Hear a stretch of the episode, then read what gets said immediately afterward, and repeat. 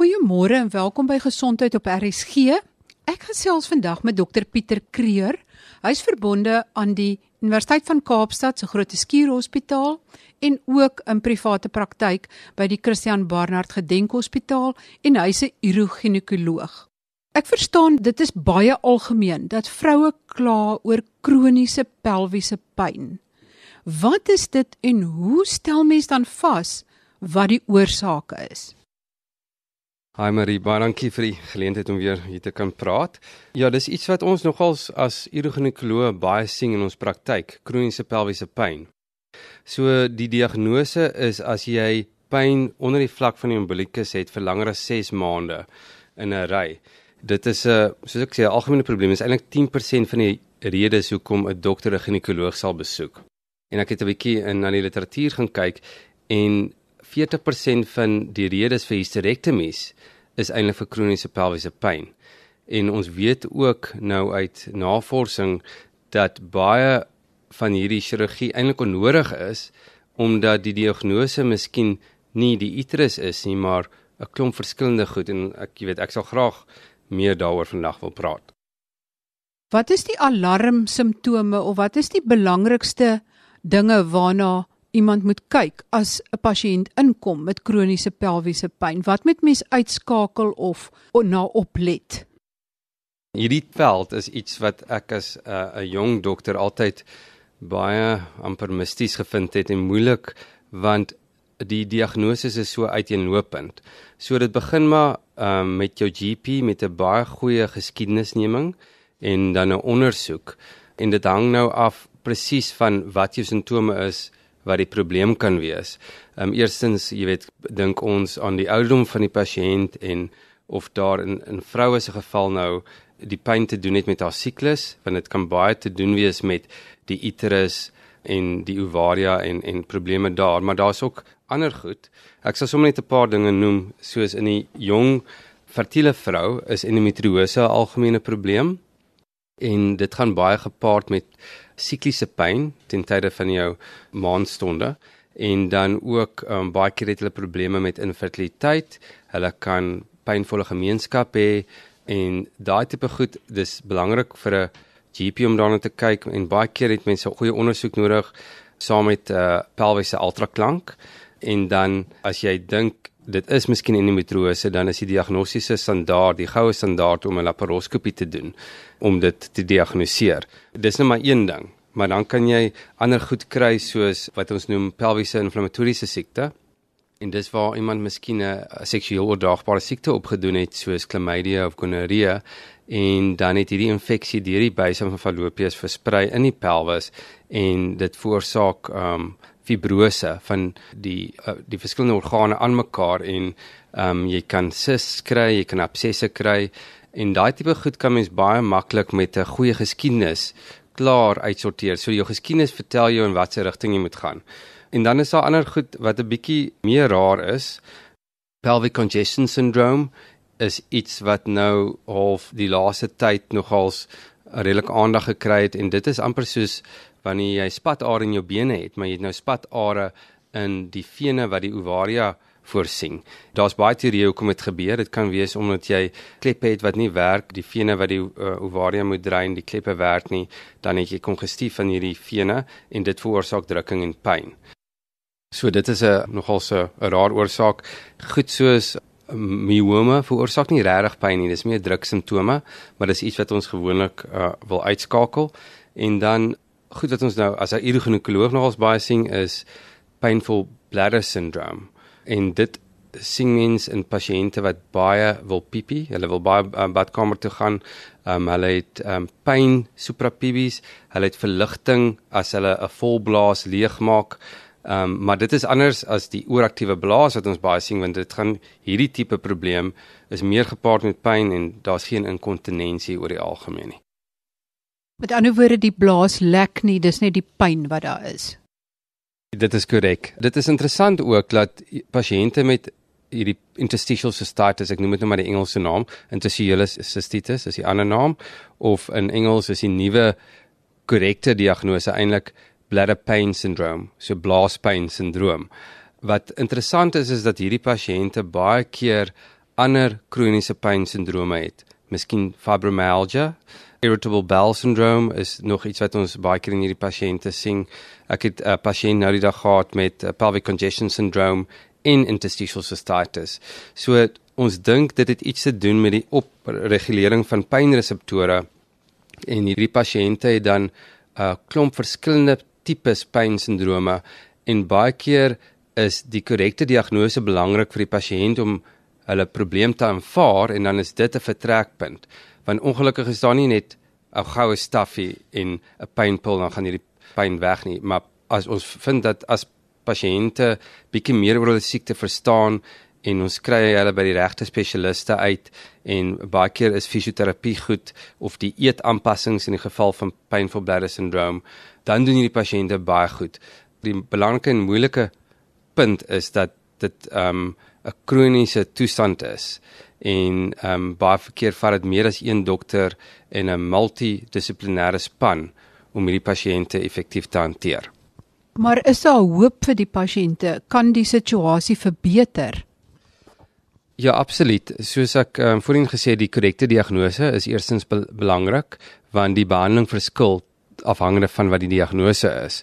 So kom ons vat 'n voorbeeld soos um painful bladder syndrome, interstitial cystitis een van die belangrikste dinge is ek is eintlik om jou dieet te korrigeer. So ons weet dat goed soos kafeïne en chili of spicy foods, voedsels wat ryk is aan warm speserye, dit kan jou simptome vererger. Um alkohol kan baie keer dit vererger en selfs ek het al pasiënte gesien wat sê jy weet hulle is laktose intolerant en as hulle daai goed geadresseer het, dan raak ehm um, die interstitiële sistitis beter. So en die, die belangrike ding is ook dit hang van pasiënt na pasiënt af. Daar's nie een ding wat vir almal trigger nie. So dis hoekom ek sê dis 'n jy moet by die korrekte dokter uitkom wat vir kan sê luister, ek dink dis die diagnose. Kom ons werk aan hierdie dieet. Skakel hierdie goed uit stap vir stap. Hou 'n dagboek. Kyk wat maak dit erger, wat maak dit beter. So dis hoe jy begin. En baie keer soos as ons nou weer praat oor interstitial cystitis, jy weet as jy 'n bietjie onseker is oor die diagnose, kan jy 'n sistoskopie doen. Jy wil ander oorsake uitskakel soos kanker van die blaas, vergroeiings, ooraktiewe blaas, uh, infeksies, harale en urineweg infeksies. En sodra jy seker is van jou diagnose, dan kan jy nou begin werk met hierdie pasiënt uh, aan 'n plan. En daar's medisyne wat jy kan gebruik. Um, net om vir die lesers 'n bietjie meer agtergrond te gee as jy uh hierdie interstitial cystitis het, die pain painful bladder syndrome. Hulle dink daar's 'n laagie wat jou epiteel aan die binnekant bedek wat afwesig is in hierdie pasiënte. Dis hoekom irritante soos rook, alkohol, speserye baie keer dan die laagie aan die binnekant van jou blaas kan irriteer meer as 'n gewone persoon. Um, ons almal weet as jy 'n koppie koffie gedrink het of jy het miskien 'n sekere tipe kos geëet, baie keer dan moet jy vinniger toilet toe gaan. Maar in hierdie pasiënt is dit net 10 keer erger. So kry jy die eet reg in die geval en dan is daar medisyne wat jy wat jy kan gebruik wat hierdie laagie herstel, maar ongelukkig werk dit net in 40 tot 50% van pasiënte. Hierdie probleem kan so erg raak dat as jy geen behandeling vir interstitial cystitis kry nie, is daar al pasiënte wat hulle blaase laat uithaal het. Dis hoe erg dit kan wees en dan as jy fisies na die blaas kyk van binne af, is daar niks meer fout nie, maar hierdie pasiënte het ongelooflike erge pyn. Gelukkig is dit absolute geringe verskynsel dat jy so ver moet gaan, maar dis die end van die spektrum. Ehm um, maar daar's ander goed soos wat on, ons noem dit 'n blaasinstallasies wat jy uh, 'n uh, kombinasie van heparin en ander middels en lignocaine wat 'n verdowingsmiddel is in die blaas kan spuit op 'n 2 weeklikse periode en dan doen jy dit vir so 6 weke en 8 weke aan mekaar dan hierdie pasiënte kan dan uh, baie goeie verbetering in hulle blaassintome vir lang tye dan hoef jy dit nie aanhou, aanhoudend te doen nie en dan in die opvolg um, fokus daai pasiënte nou net op hulle dieet. So daar is verskillende maniere om hierdie goed te hanteer. Ek sal net laastens noem iets wat uh, die Amerikaners nou begin doen het is om hierdie uh, interstim die uh, batterytjie wat op die blaas werk in te sit vir pasiënte met kroniese pyn wat verwant is aan die blaas en weer eens ongelukkig kan ek nie sê dit werk vir almal nie maar daar is pasiënte waarvoor dit baie goed werk. Jy het nou nog gepraat van die mikrobiom, die goeie bakterieë wat in 'n mens se blaas voorkom. Is daar by sommige mense minder goeie bakterieë en by ander meer dat dit 'n verskil maak aan hulle pyn of simptome? Ja, Marie, dis 'n baie goeie vraag en dit is nou regtig die nuutste navorsing in ons veld fokus op die mikrobiom van die blaas. Dis net soos jy vaginale flora het, het jy ook het hulle nou onlangs uitgevind bakterieë wat in almal se blaase voorkom en meer algemeen in vrouens en hulle dink dat meeste van die populasie het bakterieële spesies wat eintlik die blaas beskerm en wat half anti-inflammatoriese eienskappe het. So uh, jy weet ek kan ongelukkig nie vir die lesers vandag sê daar's 'n oplossing in terme van mikrobiome nie, maar ek dink in die toekoms sal ons miskien pilletjies kan vat wat die goeie bakterieë in die blaas sit en dit kan dan vir pasiënte werk met ooraktiewe blaas en interstitiële sistitis. Ongelukkig moet daar nog baie navorsing gedoen word in hierdie veld, maar ek dink dit is waartoe ons beweeg en mense sien dit ook in ander kroniese pynsindrome soos um irritable bowel syndrome waar hulle agtergekom het dat daar sekere bakterieële strains is of um spesies is wat jou eintlik beskerm of wat uh irritable bowel syndrome kan behandel. So dit is iets opwindends waarvoor ons moet uitkyk in die uh, nabye toekoms. Jy luister na gesondheid op RSG en ek gesels met dokter Pieter Kreer. Hy is urogynekoloog verbonde aan die Universiteit van Kaapstad en Groote Schuur Hospitaal en ook aan die Christian Barnard Gedenkhospitaal in Kaapstad. Jy het al voorheen gesê as 'n vrou probleme het met 'n lekkende blaas, dan is daar altyd iets wat jy kan doen. Maar daar's meer as een soort lekkende blaas, die ooraktiewe blaas en druklek. Kan jy net vinnig weer sê wat is die verskil tussen die twee, hoe dit presenteer en dan ook net weer vertel van die uh klein passangeertjie wat jy insit. Ja. Ja, dit is um, 'n um, groot deel van 'n uroginekologiese praktyk is die lekkende blaas. En ek het eendag wat toe ek um, in 'n by 'n kongres in Amerika was, het ek 'n billboard gesien wat sê uh diapers are for babies not ladies. So dit het um, dit het nog ons my bygebly. So daar is 'n klomp verskillendes, maar die twee by ver die mees algemeenste is druklek en dan ooraktiewe blaas. So druklek is as jy hoes of lag of nies of aktiwiteit doen of miskien iets swaar optel, soos jy weet, gewigte doen, dan lek jy baie mense sal sê as hulle op 'n trampolien spring, dan lek hulle en dit is nie gepaard gaan met dringendheid nie, jy lek net. En dit kan 'n klein hoeveelheid wees, dit kan 'n groot hoeveelheid wees en dit gebeur in mense na hulle eerste swangerskap en dit kan gebeur met tannies as hulle 80 jaar oud is. En gelukkig is die behandeling nou wat ons daarvoor het baie effektief. Die mees algemeenste goue standaard chirurgiese opsie is 'n blaas, ons moet maar bladder sling, 'n blaas sling of um, hulle noem dit 'n transvaginal tape in Engels en dit is 'n prosedure wat jy sommer in die oggend kan insit en in die, in die aand loop die pasiënt uit en die behandeling is die effek is omtrent onmiddellik. So dit is die maklike goed wat ons elke dag sien, maar dan die, die moeiliker enetjie is die ooraktiewe blaas en ek, vir die pasiënte net om dit mooi te verstaan of die luisteraars, dis wanneer jy dringendheid het, is wat sommer uit die bloute uitkom, so jy moet nou toilet toe gaan as jy nie betyds sal uitkom nie aan lekker blaas jy moet baie in die nag opstaan. Partykeer as jy die sleutel in die deur sit, dan sal jy ewe skielik dringendheid ervaar of as jy kraan oortap. Dis verskillende goed vir verskillende mense, maar hierdie pasiënte weet altyd waar die toilet is, want dit is net wat hulle moet doen. Wat gebeur is fisiologies stuur die brein syne na die blaas toe om in 'n ontspanne fase te wees. Met ooraktiewe blaas uh, ondergaan die blaas spontane kontraksies uit die bloute uit. So daai blaaspier trek saam en dis wanneer jy die drang ervaar en baie keer lek. So die behandeling daarvan is ons fokus op drie vlakke. Op die blaas om die blaaspier te laat ontspan, so die reseptore van die blaas. Of jy kan fisies die blaas gaan inspuit met Botox wat die blaas paraliseer tot 'n mate en dan die jy weet die ding wat ons nou nog ons baie in ons praktyk gebruik met groot sukses is die sakrale neuromodulasie uh die produk se naam is Interstim en dit is waar ons 'n klein batterytjie inplant net uh, bo die bout wat dan 'n sein van die derde sakrale senuwee opstuur na die brein toe en die brein stuur dan 'n sein terug na die blaas toe om in 'n ontspanne stadium te bly, fase te bly. Jy weet as ons die implanting gedoen het, is dit goed vir 3 tot 5 jaar en ons vind dat dit regtig pasiënte se lewens verander. Maar die Botox werk ook goed. Jy moet dit net elke 9 maande uh, tipies doen. Ons vind dat die medisyne wat jy vir ooraktiewe blaas moet vat, die eerste een waaroor ek gepraat het, jy weet, uh, nie so goed werk nie. So 40% van mense, 40 na 50% sal stop na 3 maande. Eerstens omdat dit nie werk nie, tweedens omdat jy dit elke dag moet vat en derdens omdat jy weet die nuwe effekte van hierdie medisyne is hartlywigheid, droë mond en jy weet droë krapperige oë. So baie pasiënte voel net dit werk nie goed genoeg vir die feit dat jy dit elke dag moet vat nie.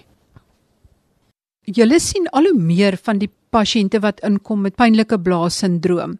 Maar wat is hulle klagtes? Hoe presenteer hulle as hulle inkom?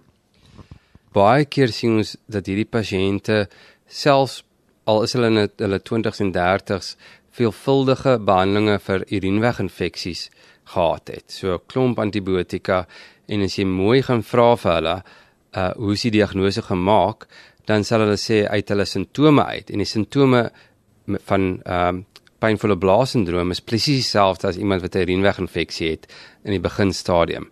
En as jy dan verder vir hulle gaan vra, maar hoeveel het hoeveel van hierdie urine is gekweek en hoeveel keer het hulle actually of eintlik 'n bakterie gesien in die urine, dan kom jy agter dat hierdie pasiënte simptomaties behandel is en nie eintlik op kultuur van die urine nie. En dit is jou eerste jy weet jou ehm um, die liggie wat met daar aangaan en dink miskien is dit nie die regte diagnose gewees nie. Soos ek sê, die pasiënte sal dan kla van ons noem dit in Engels flares, maar uh, die urine kweek steriel. So daar is niks, daar is nie bakterieë in nie. En dan baie keer, soos ek sê, sal hulle onnodig uh, antibiotika ontvang vir jare met 'n verkeerde diagnose.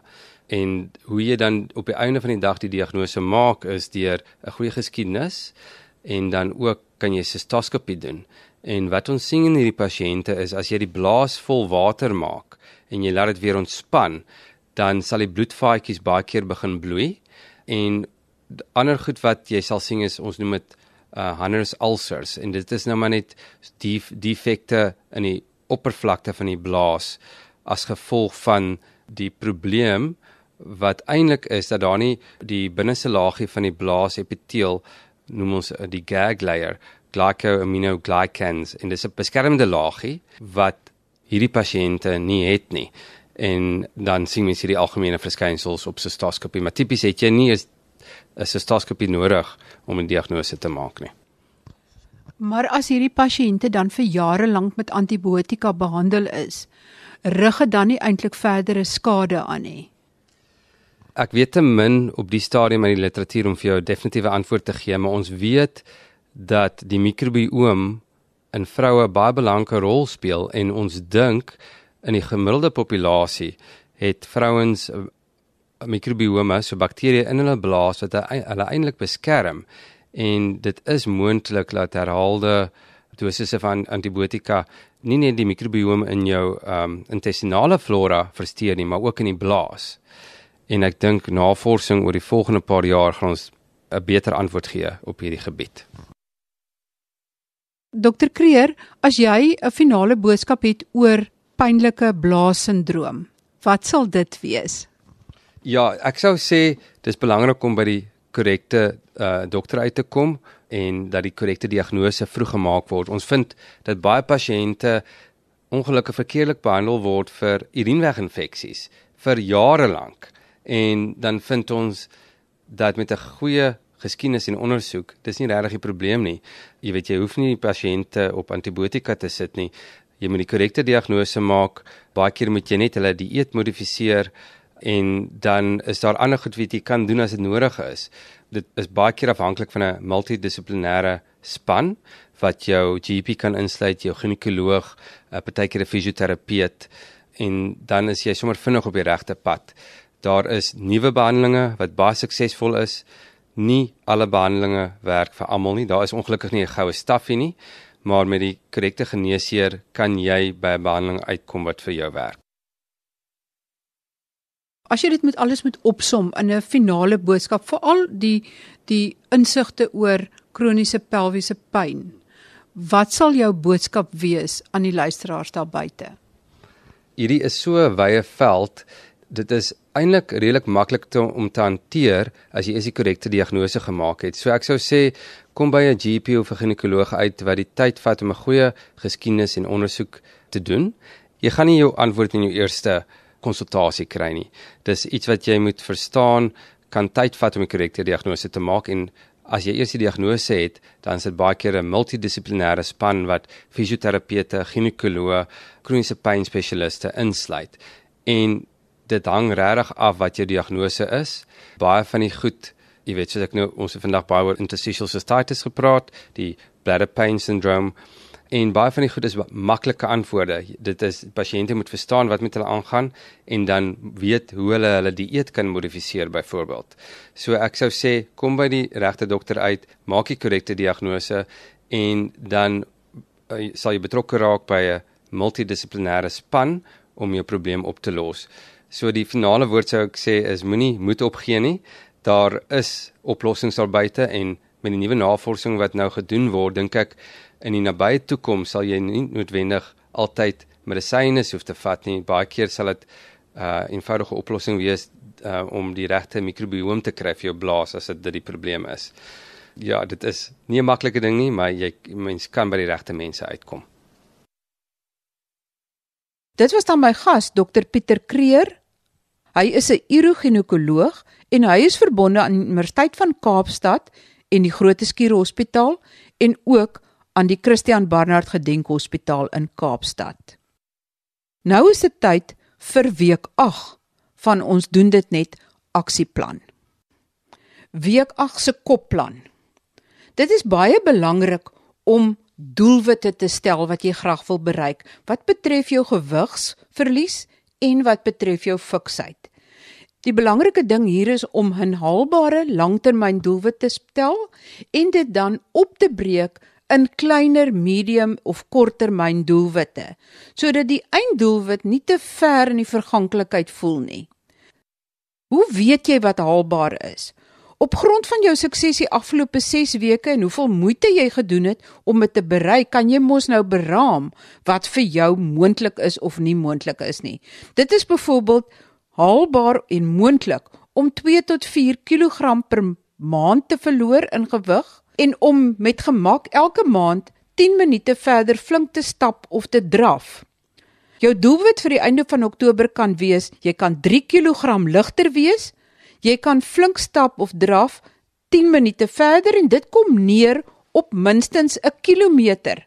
Wat beteken dat jy teen die einde van Oktober as jy hierdie program gevolg het, met gemak 5 km voluit flink sal kan stap of 4 km kan draf. En teen die einde van November kan jy 'n verdere 3 kg ligter wees en 'n verdere kilometer flink stap of draf.